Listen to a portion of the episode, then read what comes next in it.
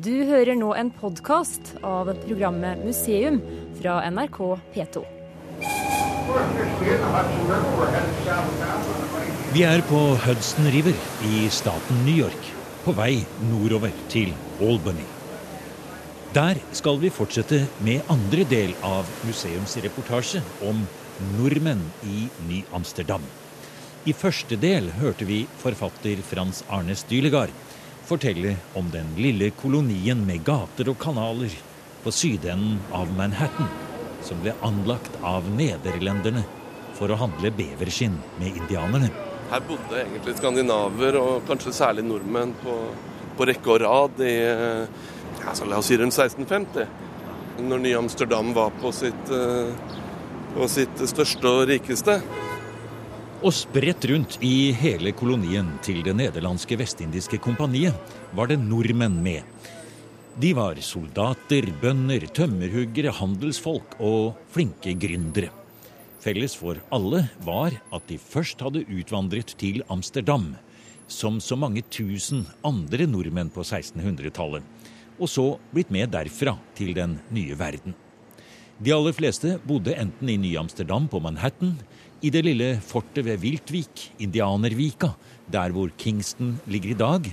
Og helt oppe i nord lå handelsstasjonen og fortet Bevervik. Fort Orange, dagens Albany. Og Nordre elv, eller Hudson River, var porten inn til Innlandet og de store leikene, men først og fremst den viktigste forbindelsen mellom Albany og Ny-Amsterdam, sier dr. Charles T. Goering fra New Netherland Institute i Albany. The two communities were just about the same size at that time. They were both about a thousand people connected by the Hudson River. So you have this axis of uh, the central axis of the colony uh, along the Hudson River. They also developed uh, uh, commercial activities on the Delaware River that they called the South River. The Hudson was called the North River, by the way. They never called it the Hudson River. uh, so you had this this big uh, uh, expanse of territory that covers half of Connecticut, New York, Pennsylvania, New Jersey, and Delaware uh, that was in the control of the Dutch the English did not have control of this area, and they they were so jealous of the Dutch they couldn't wait to gain control of it, which they eventually did in, in 1664, because this is the major uh, route to the center of the country. So the Dutch were very important in having control of this for a period of time. So actually, I'm correcting. I'm. Oh. I have transcribed all of the documents in the in the archives. There is some 12,000 in the New York State Archives. Uh, I have finished the transcription of them, so they're all Nå er vi langt oppe i etasjene i en av de imponerende statlige bygningene i Albany. Vi er i New Netherland Institute, som i samarbeid med New York State Library har gjennomgått en stor mengde arkivdokumenter fra den aller første hollandske tiden. Sammen med dr. Charles Gehring er det særlig nederlandsk-amerikanske Janni Vennema som har arbeidet med dette i flere tiår. Mer enn 12 000 dokumenter på hollandsk fra tidlig 1600-tall har hun lest, transkribert og oversatt. Already. Like when uh, they, they written, like this document is from 16, 58 or so. 1658. 1658. Yes. But then, in, when New Netherland was handed over to the English in 1664, right? The English took New Netherland.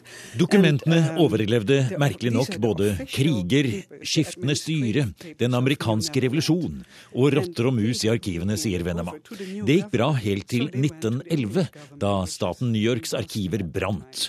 Men enda en gang overlevde de hollandske papirene. Kanskje fordi de lå helt i bunnen av kistene, under de engelske.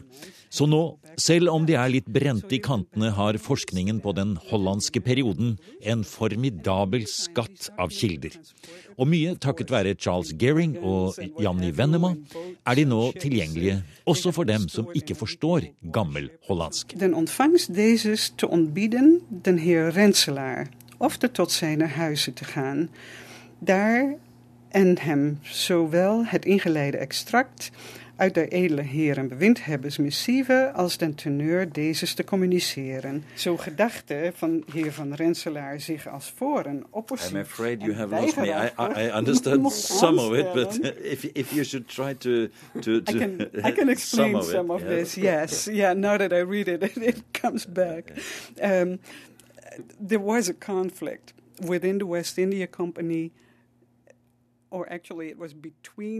Det er jo egentlig helt fantastisk å se de originale dokumentene fra 1600-tallet, brente i kantene, og høre nær sagt stemmene stige frem fra dem, lest på gammelnederlandsk, og så få et innblikk i hva de handler om, slik Janni Venema på New Netherland Institute i Albany ga et lite eksempel på her.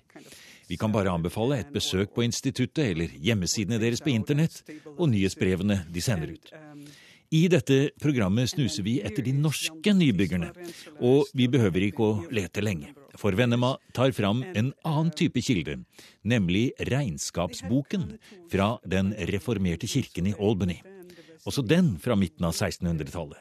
Der står ennå sirlig ført inn hver øre kirken ga ut i hjelp og almisser til nybyggerne. Det var rett og slett datidens sosialkontor. Hjelp til livsopphold fra den reformerte protestantiske kirken i Albany for snart 400 år siden. Oh, here, Karsten ah, Normann. Ja, der har vi Karsten So Nordmann. La oss nå se hva Karsten Nordmann Først, eh, eh, hvilket årstall er dette, Frans Arne? Skal vi se, greier vi å finne ut det? Begynner i 1658. Begynner i 1658, ja. 1658. Så fortsetter det nesten fram til han dør. Ha. Everything is recorded. Everything he got from the church there. Yeah, he get Sevant, which is um, this is like a deer, right? A, a, a, a, an animal, the deer. Yeah. Hjort. And then he gets in Sevant, he gets money in Sevant, three, I guess. for or Sevant, det var jo et pengeslag. Sevant is the, yeah. the shell money, the, the, the, the beads, the, Eh, Brukte de perler som betalingsmiddel her, Frans Arne? Ja, de, brukte, de, brukte, de brukte selve skjellet. Ja, Polert og gjennomhulla og tredd på nettopp. Og det, er, det heter lange altså sevant. Det heter sevant, men vampum. ja, engelsk Yeah, English call it wampum. Wampum. See, he gets linen, 14 L's, and an L is from, from uh, Alen. here to here. Alen, ja. Yes, yeah. ja. 15 alen med linnen, ja. Her står jo alt. Det er ganske morsomt, da. Ja, du kan jo nesten forstå.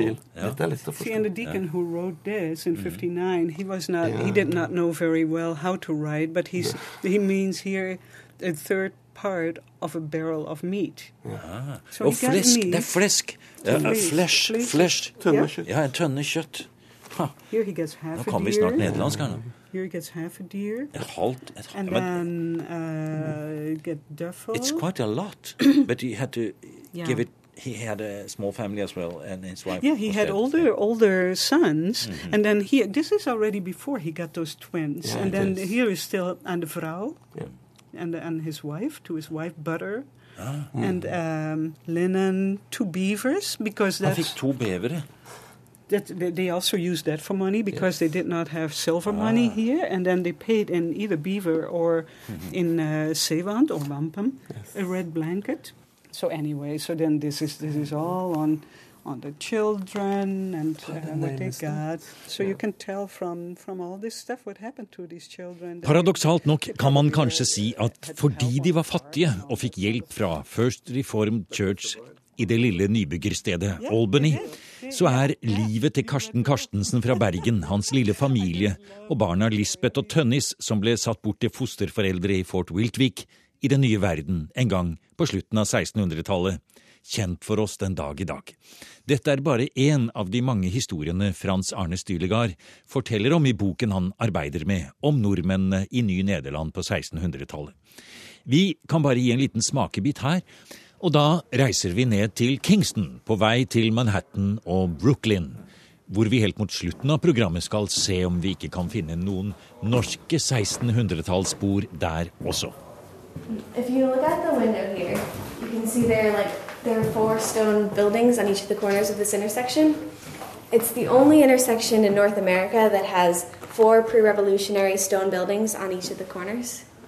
Men først altså en stopp i den maleriske lille byen Kingston, eller Viltvik som den først het. Rene sørlandsidyllen, bare at her er det hus fra 1700-tallets koloniale Amerika på annethvert hjørne. Tatt vare på av Daughters of the Revolution, eller gjort om til små museer.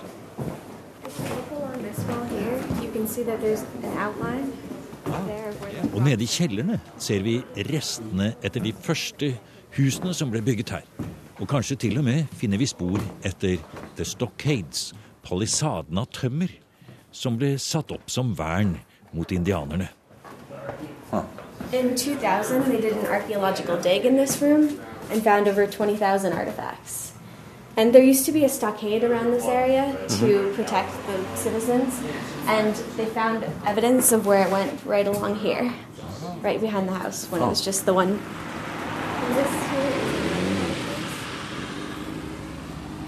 Og nå har vi et kart med oss her. Eh, og nå skulle vi vel nesten begynne å nærme oss stedet der palisaden gikk. Her heter det Crown Street. Det er én til, ja. Så han gikk enda lenger bort. Vi går langs palisaden. Ja, vi går i palisadeveggen. Og vi, vi er på vei mot et hjørne. Vi er på vei mot et hjørne, fordi at på hver side av palisaden så var det litt sånn bratte kanter ned. Naturlig forskansning. Men det må ha vært litt av et arbeid å få satt opp en høy tømmervegg rundt husene i Fort Wiltwick.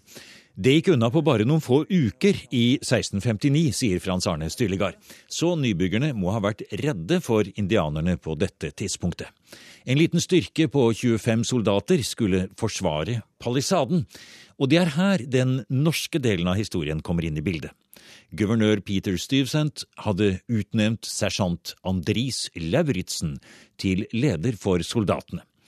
Og når indianerne begynner å synge og feste og skyte i luften en kveld, like utenfor palisaden, så har sersjanten sitt svare strev med å berolige nybyggerne. Og, og, så, og så, har det da vært en diskusjon inne i fortet i nokså mange uker om ikke vi, skal vi ikke bare gjøre kort prosess, skal vi ikke bare ta dem? Og, og, noen av de som befinner seg på innsida, mener at uh, nå må vi bare kverke indianerne. De ville sette hardt mot hardt. Og når denne skytinga begynner, så er det de som løper til vakthuset og sier at nå er det nok. Nå må dere gjøre noe. Og så peker de på sersjanten. Denne Anders Larsen, som man godt kan ha hett i Norge, men Andris Laurensen. Nå må du gjøre noe. Ja, ja, jeg skal bli med dere ut og se. Og så går da en gruppe Eh, en håndfull soldater under ledelse av, eh, av denne norske sersjanten.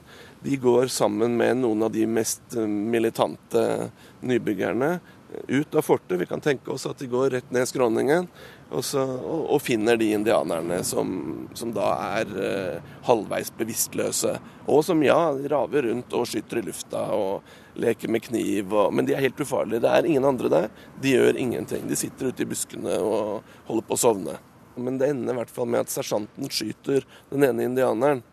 Og de aner jo ikke hva som skjer, og rømmer hals over hode i hver sin retning.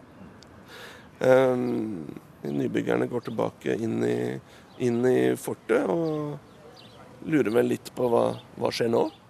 Og det som skjer, er at den første Esopuskrigen bryter ut. Men den historien lar vi ligge akkurat nå. Vi holder oss til sersjant Larsen, som blir tatt til fange av indianerne. Sammen med ham er en annen norsk soldat, Harmen Henriksen fra Bergen. Denne bergenseren er litt av en type, tidligere soldat for kompani i Brasil, og nå gift med datteren til nordmannen Dirk Norseman i Brooklyn, som vi snart skal høre om. Denne datteren har vi jo også hørt om før, som viljesterk vertshusholder på Manhattan. Men tilbake til sersjant Larsen og soldat Henriksen, som står bundet til påler som fanger hos indianerne. De tenker på å rømme, eller i hvert fall å få gitt beskjed.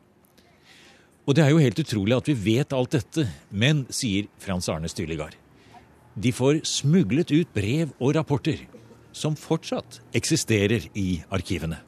Han virker jo som en en god soldat, da, den Andris Laurens. Han, eh, han skriver til, eh, til eh, guvernøren først og fremst for å fortelle at nå må dere sende flere soldater fordi fortet er beleira. Og så nevner han nærmest en passant at uh, ja, sånn, 'Jeg er forresten fange hos uh, de og de'. Ja, han gjør det. Men han blir til slutt uh, Han og to-tre andre gisler blir, blir kjøpt fri. Men denne bergenseren, da? Vet vi noe om hvordan han hadde det? Mm, han vet vi mer om hvordan han hadde det. Og jeg vil jo tro at, at sersjanten hadde det på samme måte. Men men det sier ikke kilden noe, om. Men uh, Herman Hendrik, som da blir litt tilfeldig Han ikke, han har ikke noen rolle i dette, men han blir litt tilfeldig tatt som gissel ved samme anledning. Og han klarer å rømme. Og så, og så kan du jo tenke deg da at ja, men OK. Han er et eller annet sted, kanskje noen kilometer unna. Han er, han bunnet, han er naken. Han står bundet til en uh, stolpe. Det var en forferdelig varm uh, høstdag, og der står han uh, ute, får ikke mat, får ikke vann, og, har det ikke noe greit. Og Det samme gjelder da en åtte-ti andre, først og fremst uh, kompanisoldater som er tatt til fange sammen med han. Flere av kompanisoldatene ble brent levende ved de samme ved de samme pelene som, som, Herman Henriks hadde stått bundet til. Så det hadde antagelig gått riktig, riktig ille hvis han ikke hadde klart å rømme. Vi vet ikke hvordan han klarer å rømme, men vi vet at han klarer det. Han rømmer tilbake hit og kommer seg inn i fortet og får da skrevet denne rapporten. Og, det, og så vet vi jo da Vi skjønner hvorfor han gjør det, for her har han uh, sin kone og lille sønn. Som vi jo også vet hvem er. Ja, vi gjør det. Eh, hun er da denne flygende engel som vi har snakka om før. Og, og, Herman Henriks er portugiseren, som han ble kalt, fordi han hadde vært soldat i, i Brasil for kompani, Vestindiske kompani. Og det er da disse som har hatt den litt kinkige historien med, med obsternasigheter på Manhattan, sånn at hun er blitt hun er blitt forvist fra kolonien. De har vært i Amsterdam en periode, og de har vært her bare noen få måneder når dette skjer. Så han får jo alt.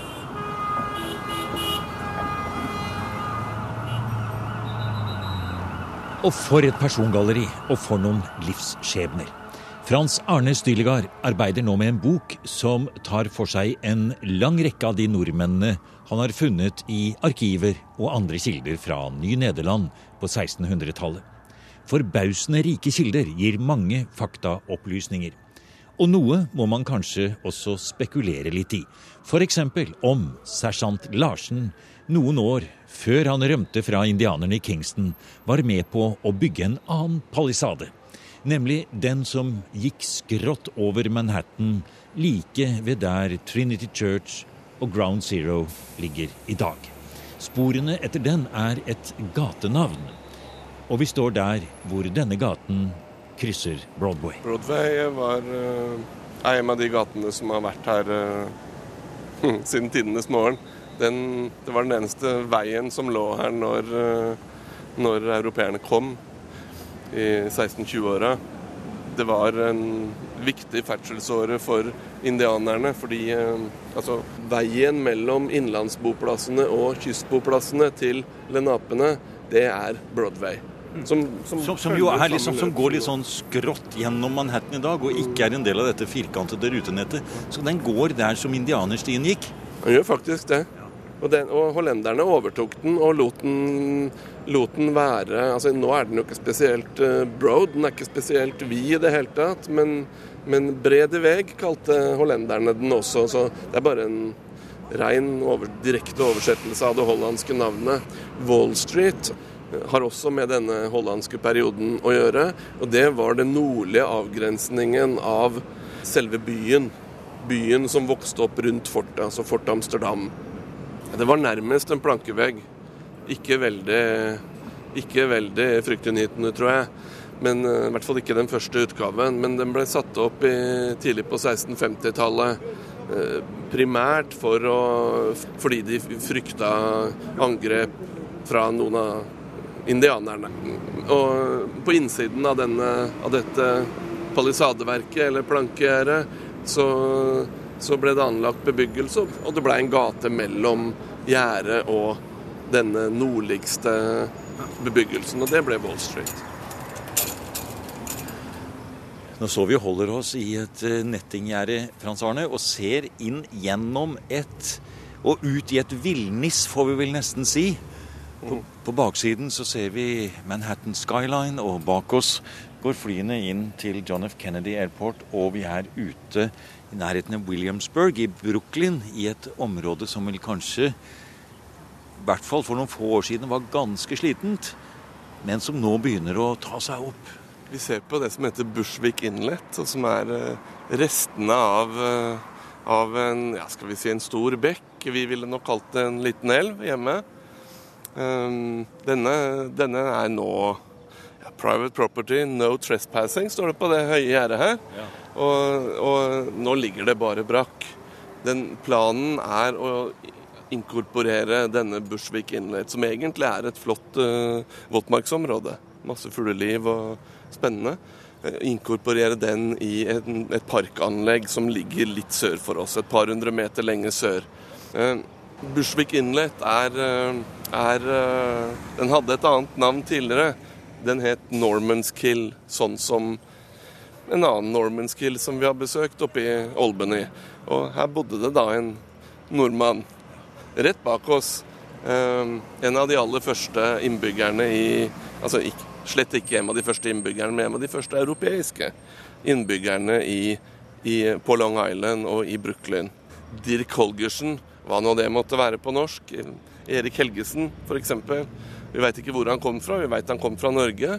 Og han uh, slo seg ned kanskje allerede rundt 1640, eh, i, uh, ja, omtrent her vi står. Her var nok det viktigste at det var kort vei over til Manhattan, tror du ikke det? Kort vei over til Manhattan. Eh, fruktbart område.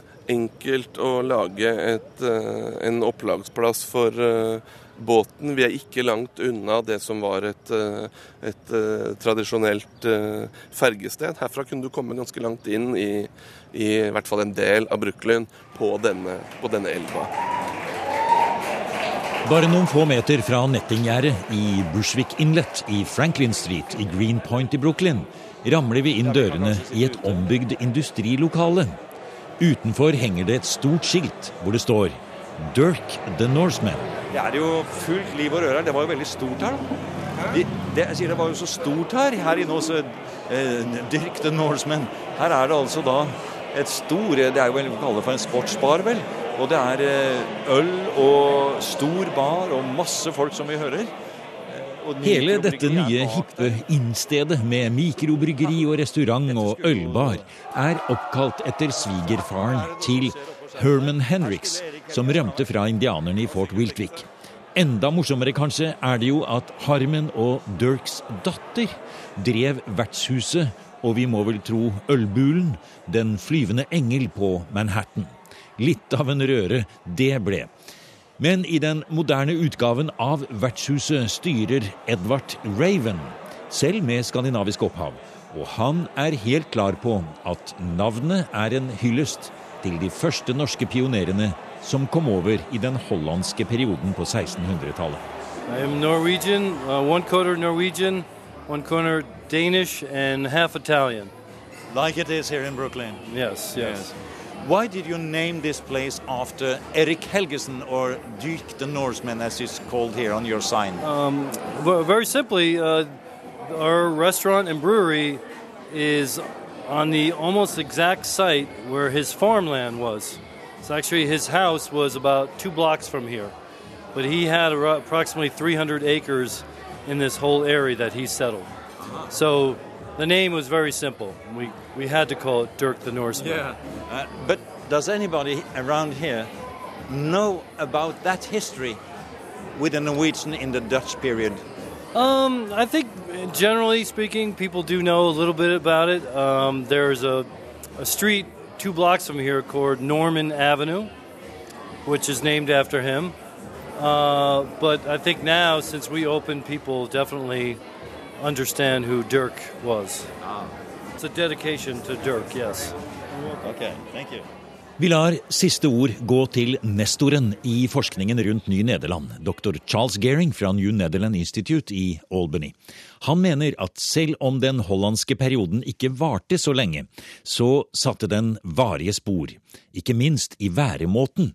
Og kanskje var også de hollandske idealene om frihandel, frie tanker og drømmen om personlig frihet, uavhengig av sosial status, noe av det som også fristet de mange nordmennene som ble med nederlenderne til den nye verden. So free trade, open trade, uh, social mobility. Uh, if you had ambition, talent, so forth, you could rise to the top. Where in other societies, especially the English society, you couldn't if you weren't if you weren't born with a silver spoon in your mouth. Uh, so uh, it was uh, it was a different uh, it was a different perspective, a different way of looking at things that the Dutch brought over here, and they maintained it for a long period of time. And I still think New Yorkers, new people from New Jersey, we're different from uh, New England and from Virginia. We we have a different way of looking at things, and uh, if you were born here, you would notice it immediately when you go to New England. You see you see that they're different. And uh, so the Dutch remain, they remain in us. We don't, uh, people here don't speak Dutch any longer, but uh, we, we still have a lot of their characteristics. Du har nå hørt en podkast av programmet Museum fra NRK P2. Og send gjerne en e-post til museum krøllalfa nrk.no.